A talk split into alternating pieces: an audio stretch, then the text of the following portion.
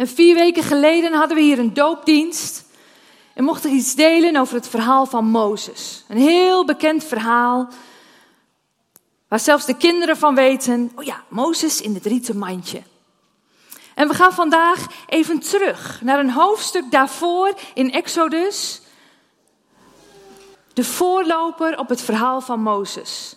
En het onderwerp wat daarbij hoort is: het leven is waardevol. Het is een geschenk door God gegeven. En de waarde van dat leven kun je erkennen of ontkennen. En er is altijd iemand nodig die die waarde terugbrengt. En vandaag gaan we verder over dat onderwerp, gewoon een hoofdstuk eerder. En we willen dan ook eerst lezen uit Exodus 1. Het is vlak voor in je Bijbel. Als je de Bijbel-app hebt, dan is het uh, makkelijk, uh, makkelijk te vinden. Exodus 1 vanaf vers 8. Het verhaal hiervoor ging over Jozef. Jozef die door zijn broers is verkocht en naar Egypte is geleid. En dat verhaal is lang geleden. En er kwam in Egypte een nieuwe koning aan de macht die Jozef niet gekend had. En hij zei tegen zijn volk: De Israëlieten zijn te sterk voor ons en te talrijk. Laten we verstandig handelen en voorkomen dat dit volk nog groter wordt. Want stel dat er oorlog uitbreekt en zij zich aansluiten bij onze vijanden, de strijd tegen ons aanbinnen en uit het land wegtrekken. En er werden slavendrijvers aangesteld, die de Israëlieten tot zware arbeid dwongen. Ze moesten voor de farao de voorraadsteden Pitom en Raamses bouwen. Maar hoe meer de Israëlieten onderdrukt werden, des te talrijker werden ze. En ze breidden zich zo sterk uit dat Egyptenaren een afkeer van hen kregen. En daarom beulden ze hen af en maakten ze hun het leven ondraaglijk met zwaar werk. Ze moesten stenen maken van klei en op het land werken en ze werden voortdurend mishandeld. Bovendien gelaste de koning de Hebreeuwse vroedvrouwen, Sifra en Pua geheten, het volgende. Als u de Hebreeuwse vrouwen bij de bevalling helpt, let dan goed op het geslacht van het kind. Als het een jongen is, moet u het doden en is het een meisje, dan mag ze blijven leven. Maar de vroedvrouwen hadden ontzag voor God en deden niet wat de koning van Egypte hun had opgedragen. Ze lieten de jongetjes in leven. En daarom ontbood de koning de vroedvrouwen. Wat heeft dit te betekenen? vroeg hij hun. Waarom laat u de jongens in leven? En de vroedvrouwen antwoordden de farao: De Hebreeuwse vrouwen zijn anders dan de Egyptische. Ze zijn zo sterk dat ze hun kind al gebaard hebben voordat de vroedvrouw er is. En God zegende het werk van de vroedvrouwen, zodat het volk zich sterk uitbreidde. En omdat de vroedvrouwen ontzag voor God hadden, schonk hij ook aan hen nakomelingen. Toen gaf de farao aan heel zijn volk het bevel om alle Hebreeuwse jongens die geboren werden in de Nijl te gooien. De meisjes mochten in leven blijven. Wat een verhaal. Ook zo'n bijzonder, bijzondere geschiedenis. Waar je naar kijkt en waarvan je kunt denken: oh ja, dat was toen. En wij zijn gewend om als een baby geboren wordt, en vroeger was dat nog erger dan nu, om de drie R's toe te passen. Wie kent ze nog? Volgens mij zijn het vooral de, de, iets oudere dames die nu zeggen: Oh ja, zeker, dat weet ik nog helemaal. Rust, ruimte en regel. Nee, niet ruimte, sorry, die, daar gaan we straks naartoe. Reinheid. Rust, reinheid en regelmaat. Ik weet nog van mezelf dat ik vooral met rust de meeste moeite had. Ik had allerlei plannen, maar dan moest mijn baby slapen. En dan dacht ik, ja, maar hoe dan? Om daarin mee te gaan en dat ritme zo te houden zoals dat goed kan zijn voor de, voor de baby, dat vond ik een uitdaging. En ik had het er ook even met Giel en Sarah Joy over. En Sarah Joy zei ook, ja, dat regelmaat, dan heb ik zelf een ritme en dan moet er een oppas komen straks. Dan wil ik eigenlijk alles vertellen hoe ik het doe. Want de regelmaat, ik ken mijn kind het beste. Dus dan ga je helemaal overdragen aan de ander hoe dat, hoe dat werkt, hoe dat goed werkt. En zo doen moeders dat. En vaders hebben weer hun eigen manier daarin. Maar rust, reinheid en regelmaat. En die drie R'en, je merkt het, ze werken fantastisch. Want we kennen ze bijna allemaal. Maar vandaag kijken we naar drie andere R'en. En dat is ruimte, regie en richting. En het heeft te maken met dat uitgangspunt van God, waar we het net ook al over hadden, in de preek, vier weken geleden over hebben gehad in de preek van Mozes. Het leven is waardevol. Ik schrijf het even op, want het helpt vaak als je schrijft om dingen beter te onthouden. En voor mij is het handig omdat ik dan even terug kan grijpen naar wat hier achter me staat, als ik niet meer weet waar ik ben. Ruimte, regie en richting. Vanuit het uitgangspunt, het leven is waardevol. Want in alles wat er gebeurt in onze levens en in de wereld, is dat dit soms aangevallen wordt. Is dat wel echt zo? En dan is er steeds weer iemand nodig die zegt: ja, dat is zo. Dus dat het leven waardevol is, dat heeft aan alle kanten te maken met moeite, met last, met, nou, dat weet ik niet. Is het leven wel zo waardevol? Kleine uitspraken die we kunnen doen naar elkaar, die al zeggen, dat vind ik niet. En we weten dat God altijd doorslaat naar deze kant. Het leven is waardevol. En het innemen van ruimte daarin. En die ruimte ook ervaren.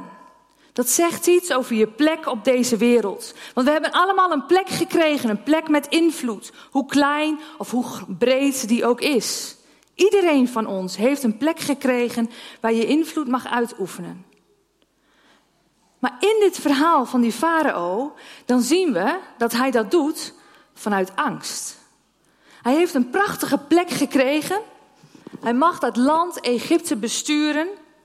Maar hij ziet dat er een volk in zijn land is wat veel te hard groeit. Hij heeft dus het gevoel dat een ander meer ruimte inneemt en dat de toekomst er zo uitziet dat die ander zoveel ruimte inneemt dat het voor hem niet meer goed is of dat er van hem, voor hem dan niet meer genoeg is.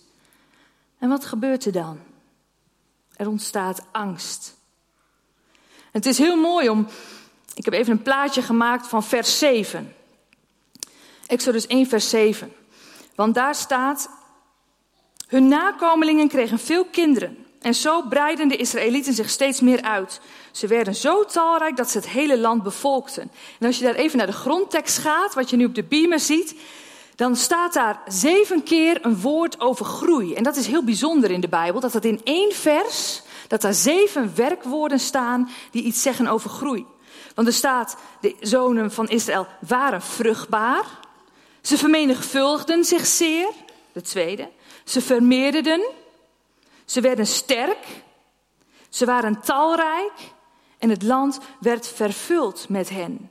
En die woorden samen geven een enorme bevolkingsgroei weer. Dus het ging niet over een paar duizend extra mensen. Het ging over een enorme, eh, een van de woorden staat ook wel voor, een grote, krioelende mensenmenigte. Dus ze groeide zo hard dat eigenlijk iedereen met verbazing ernaar stond te kijken. En Gods eerste opdracht aan de mensheid is: wees vruchtbaar en word talrijk en bevolk de hele aarde. En dat doen ze hier. In explosieve mate wordt dit volk uitgebreid ergens wel logisch dat die farao daar angstig van werd. Hij werd bang. En zijn eerste maatregel was daarom: we geven ze heel zwaar werk. Ze moeten voorraadsteden bouwen. En hoe meer ik ze onderdruk, hoe beter het zal zijn. Hoe meer ik hun inperk. Maar het tegenovergestelde was het geval. Ze werden juist steeds talrijker. En de Egyptenaren kregen een afkeer van hen. Ze bulden ze af en ze maakten ze het leven ondraaglijk. Ze mishandelden ze. Toen Farao zag dat dat niet genoeg was, dacht hij: volgende maatregel. De verloskundigen, de eersten die bij de bevalling zijn. Ik zet ze in om die groei van het volk tegen te gaan. Alle jongens mogen sterven. En toen Sifra en Pua waar dit verhaal over gaat. Een andere beslissing namen, moesten ze zelfs bij de koning komen. En werden ze op het matje geroepen. En hun argument was, ja maar de Hebreeuwse vrouwen zijn te sterk. Dus door alles heen bleven ze groeien. Derde maatregel. nummer 1 en 2 werkte niet. Er zat voor hem niets anders op vanuit die angst die steeds meer gevoed werd in dat leven van die farao. Om nog een derde maatregel in te zetten. Dan alle jongens in de, in de Nijl gooien. En iedereen, het hele volk, werd daar verantwoordelijk voor gehouden. Dus de eerste maatregel, nog redelijk te doen. Afbeulen ook geen pretje. Maar nog niet het allerergste. Die tweede maatregel waarvan wij al denken: help, doe normaal. Het werkte niet. En toen nog die derde maatregel, het hele volk verantwoordelijk om te zorgen dat er geen jongens meer in Gozen werden geboren. Het tegenovergestelde van ruimte geeft dus angst. Zorgt voor verstikking, een mes op je keel. Er is niet genoeg voor mij. Maar de andere kant is overvloed. Er is genoeg voor iedereen, genoeg ruimte, genoeg van wat dan ook voor iedereen. Dat is onze God. Kijk hoe Hij zijn eigen volk zegende door alles heen. Overvloed en niets minder dan dat. Ruimte voor jou en ruimte voor die ander. Ook een mooi onderwerp om over na te denken, want hoe is dat voor jou? Ervaar je voldoende ruimte? De ruimte die je hebt gekregen, is die genoeg voor je? Als een ander meer lijkt te kunnen, meer lijkt te hebben, meer lijkt te krijgen, geluk heeft in onze ogen, wat doet dat dan?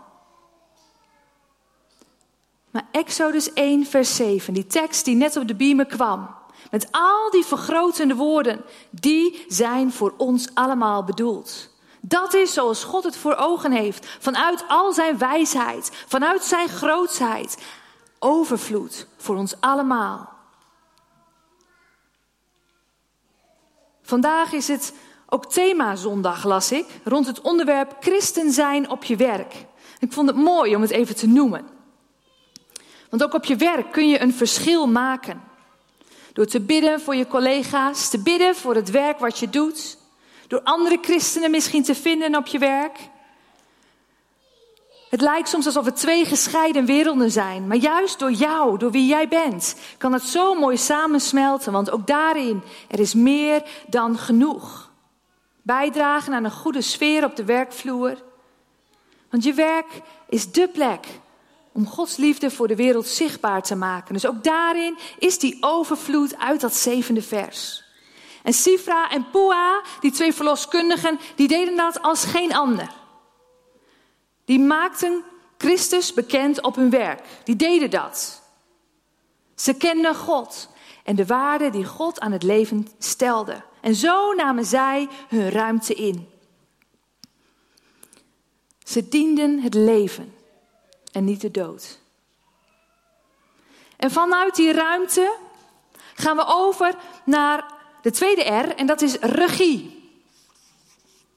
Ik zal ze allebei nog even opschrijven. Want zoals het vaak werkt met. Uh, regie, sorry.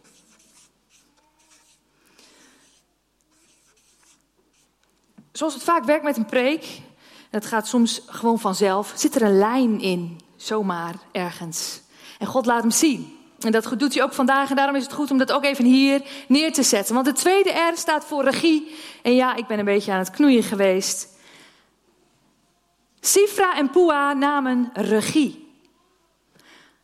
Wat ik heel vaak ook bij mezelf heb gemerkt, is dat als er ergens iets gevraagd wordt, wie zou mee willen helpen, ik noem maar iets, bijvoorbeeld hier bij het koffieschenken, dan kijk ik eerst om me heen. Wie zou dat willen doen? Is er misschien iemand anders? Ik doe al heel veel andere dingen genoeg te doen, te weinig tijd voor wat dan ook. En als er niemand zich aanmeldt, dan denk ik, nou ja, dan wil ik wel eens één keertje. Sifra en Pua zeiden direct, wij zijn de man, de vrouw in dit geval. Zij keken niet eerst om zich heen om te ontdekken of er iemand anders was die zou zeggen: Klopt dit wel wat deze farao ons nu oplegt? Ik geloof dat zij niet alleen stonden, hun namen worden genoemd, maar zij hadden daaromheen vast een grote groep andere verloskundigen met wie ze overleg hadden. En ze, met, en ze zeiden met elkaar: Help, dit niet. Wij staan op nu, want wij dienen het leven en niet de dood. Het leven is waardevol. Dit kunnen wij doen. Dus ze trokken het naar zich toe en ze zeiden ja. Ja, vanuit die overvloed die wij hebben gekregen, onze handen zijn bedoeld om leven op deze aarde te brengen en niet de dood.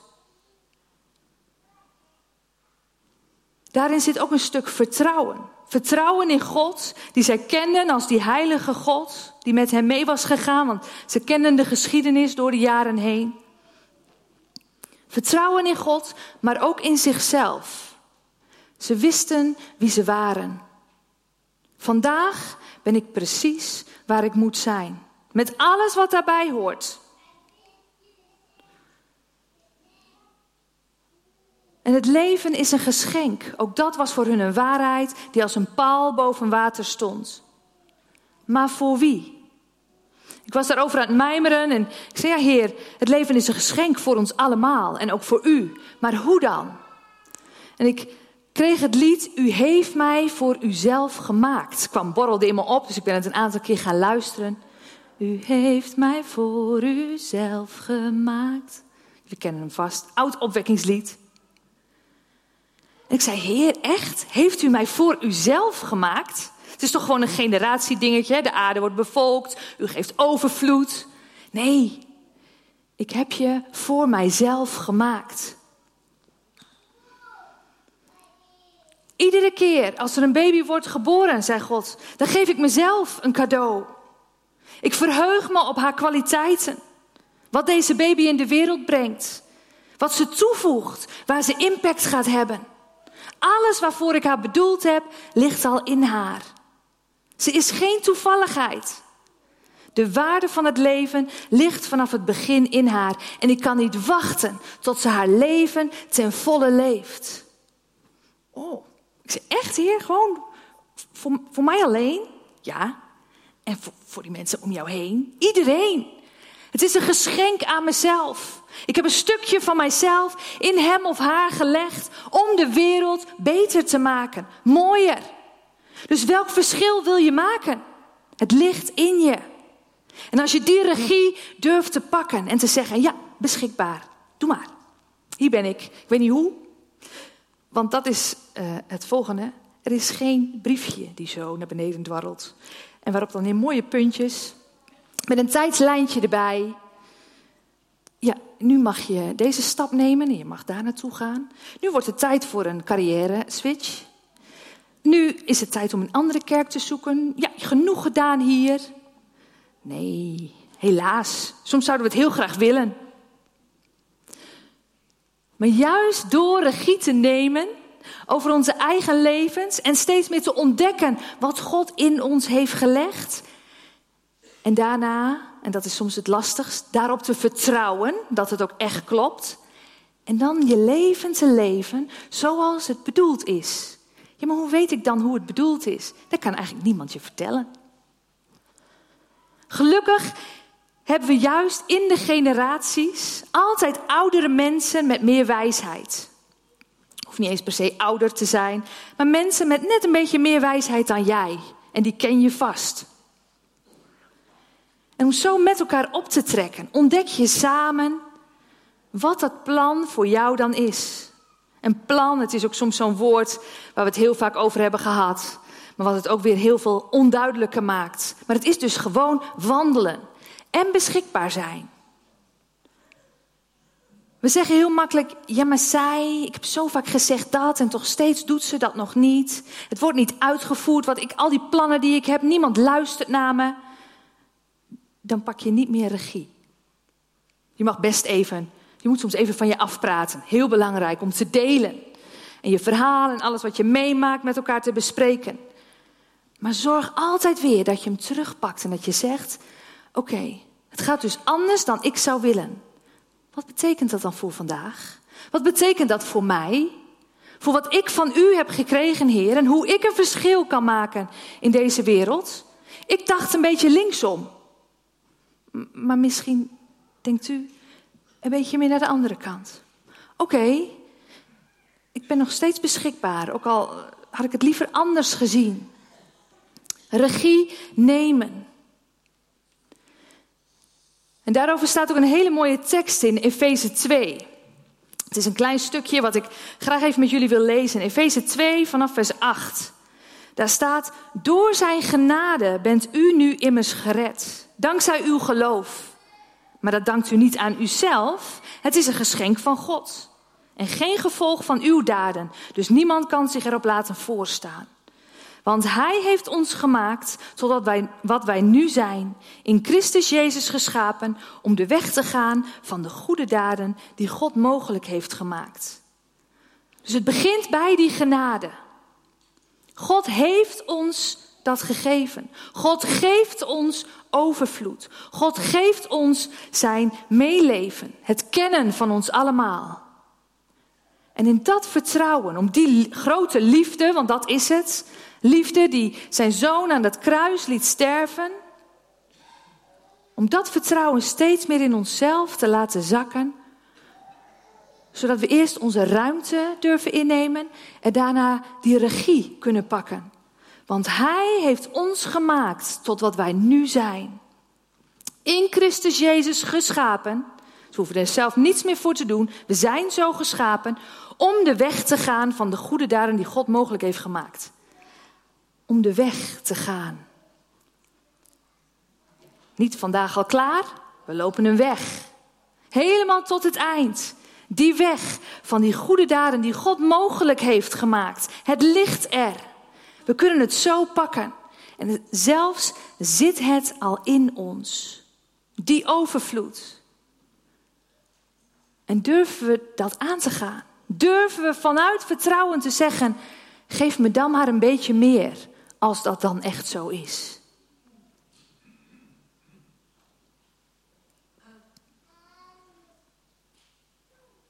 En het doet er dan ook toe hoe je met je leven omgaat. Als we het dan hebben over waardevol leven, dan voeg je op die manier iets toe aan de wereld, maar het doet ook iets met jezelf. Want vanuit vertrouwen stappen zetten is als lopen op het water. En we zingen er graag over. We hebben vanmorgen ook prachtige liederen gezongen die iets zeggen over onze toekomst, over hoe wij zijn gemaakt. Maar het nemen van regie daarin en dat ook echt doen. Daartussen zit soms nog een kloof. En ik geloof dat we vanmorgen tot dat besef weer opnieuw mogen komen.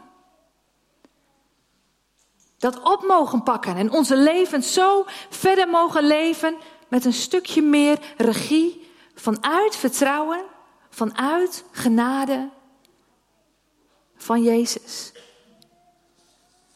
En het derde punt, die derde R, kan dan ook niets anders zijn dan richting.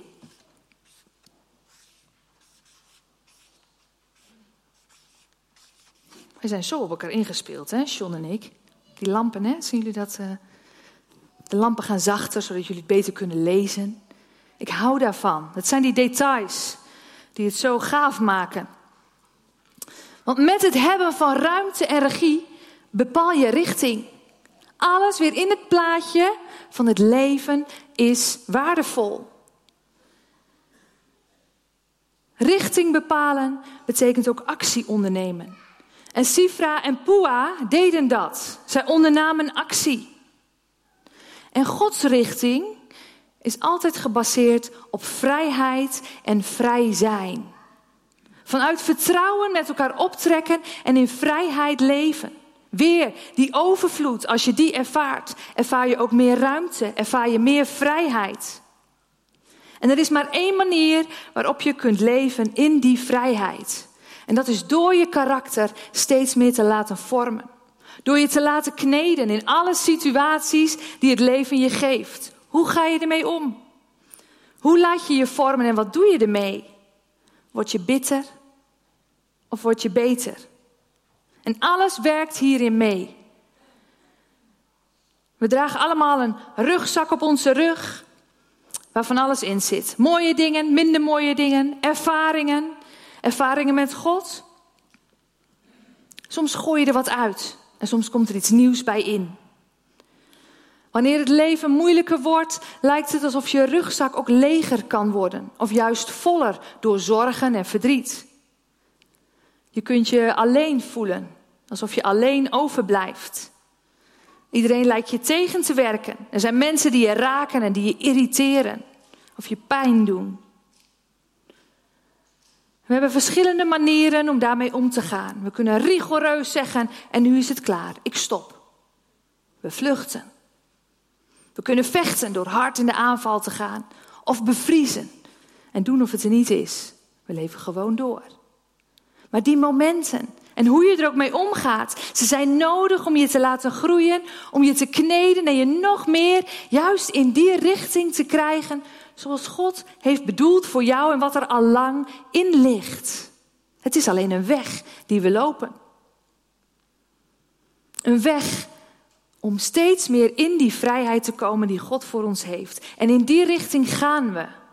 Want zo heeft Hij dat bedoeld. Er is geen andere kant op. Er is maar één kant. En dat is de kant van de vrijheid.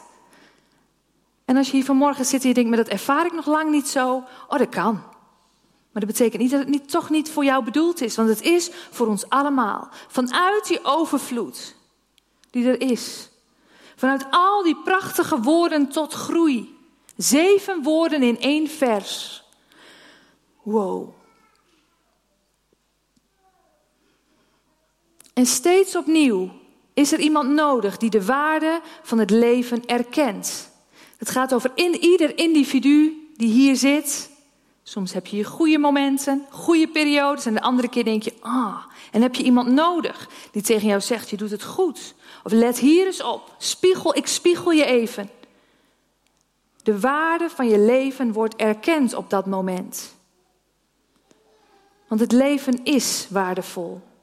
En deze twee dames, Sifra en Pua, die werkten in het geheim met een hele groep andere verloskundigen hieraan. De waarde van het leven erkennen richting de vrijheid.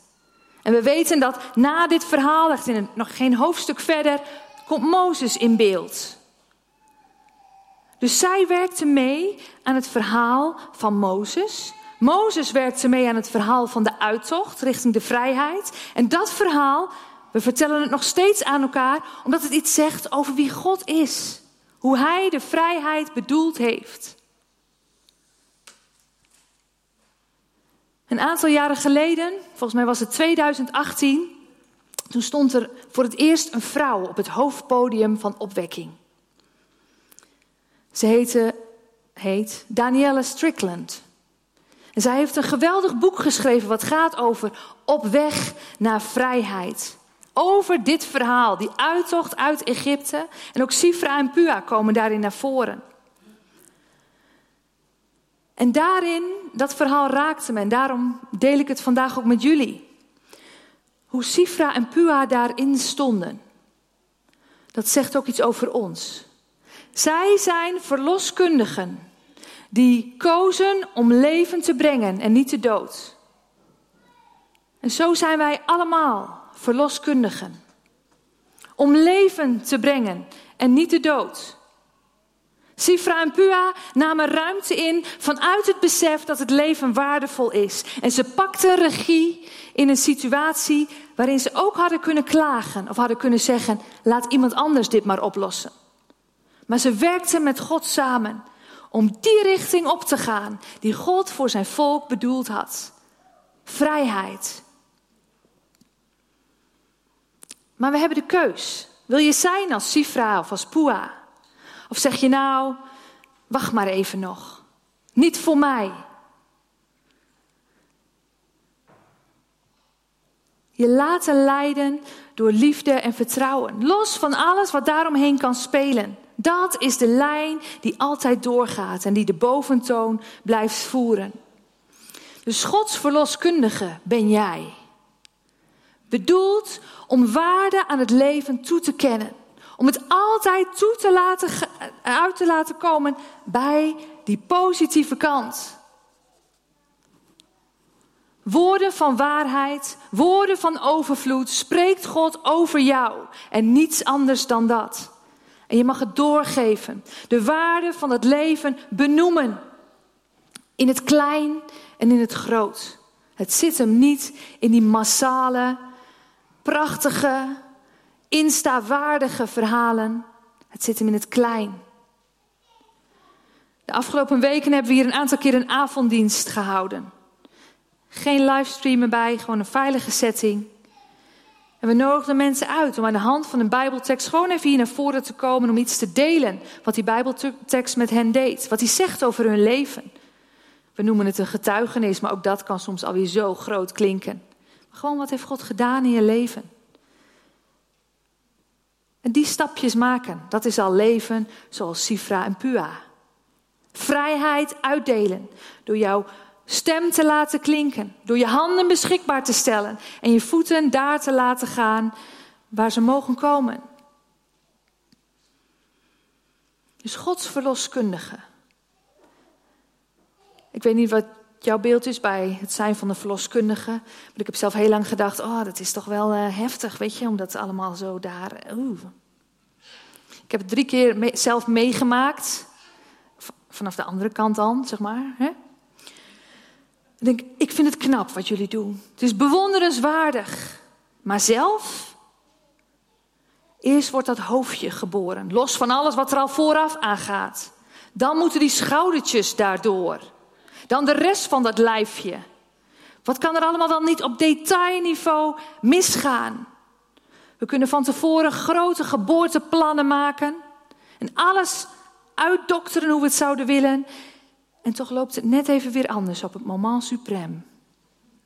Dan is zij daar, die verloskundige, die jou er doorheen loodst. En die zegt, kom maar, je doet het hartstikke goed. Even niet, nu even niet, even puffen, even ademen, even wachten. Maar nu mag je weer. Wauw, als je toch zo'n rol mag spelen in iemands leven. En dat kun je. Je kiest voor leven, maar niet voor dood. Dat betekent dat je zegt, het leven is waardevol. Dus valt het altijd de kant op die God voor ogen heeft. Je neemt je ruimte in op die manier. Je pakt regie in de mogelijkheden die jij hebt gekregen. En daarmee bepaal je richting. Niet alleen voor jezelf, maar ook voor de mensen om je heen. Vanuit dat grote besef. Heer, u heeft mij gemaakt met een doel. U hebt door mij uzelf een cadeau gegeven. Wauw, wat ligt er dan veel in mij? Heeft u dat echt zo bedoeld? Ja, door die genade. Niets is te groot voor onze God. Overvloed. Hij zal nooit stoppen met dat te geven. Ik wil u vragen om, om te gaan staan, dan kunnen we ook hiervoor bidden. Misschien wil het muziekteam, het aanbiddingsteam ook naar voren komen. Want Heer, wat, wat een bijzonder verhaal. Heer, het idee dat wij zelf aan zo'n bed mogen staan op het moment dat er een kindje wordt geboren, dat nieuw leven tevoorschijn komt. Heer, op alle facetten van het leven die u geeft, daar mogen wij zijn. Dan spreken we als eerste onze nederigheid en onze afhankelijkheid van u daarin uit. Heer, want u bent onze grote God. Wij kijken als eerste naar u. Maar als we onze blik omhoog heffen en dan ook zien wat dat doet, Heer, wat u dan met ons doet. Dat u die overvloed op ons uitstort, in ons uitstort, door het bloed van uw zoon. En de mogelijkheden die het ons daardoor geeft. Heer, willen we vanmorgen ja zeggen tegen de ruimte die u ons aanbiedt. Tegen de regie die u aan ons wilt geven. Want u bent daar gewoon bij. En we zeggen ook ja tegen de richting die u met ons opgaat. We kijken naar boven en tegelijk die zegen, Heer, die u geeft. Oh, dank u wel.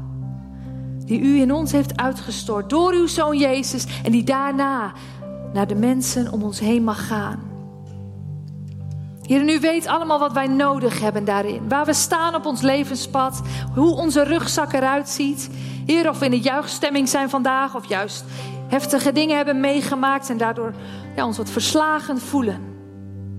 Heer, dan mogen we geloven, ook vanuit die overvloed die er is, dat u steeds weer door de beweging die u altijd maakt, omdat het leven nooit stilstaat, dat u daar zult zijn in wat wij nodig hebben. Dat stukje overvloed wat we vandaag mogen ervaren, dat u dat nu wilt geven op dit moment. En Heilige Geest, werkt u maar. Doet u uw werk in ons, want wij kijken naar u. Wij zijn ons ook bewust van wat u dan aan ons toevertrouwt. En vanuit dat vertrouwen zeggen we ook vandaag opnieuw ja. Dit is wie wij willen zijn. En dit is hoe we uw koninkrijk op deze aarde verder mee willen bouwen. Het is zoveel groter dan wij doorhebben. Dank u wel. Wij zijn beschikbaar. Heilige God, we houden van u met alles wat, erin, wat erbij hoort. In Jezus' naam. Amen.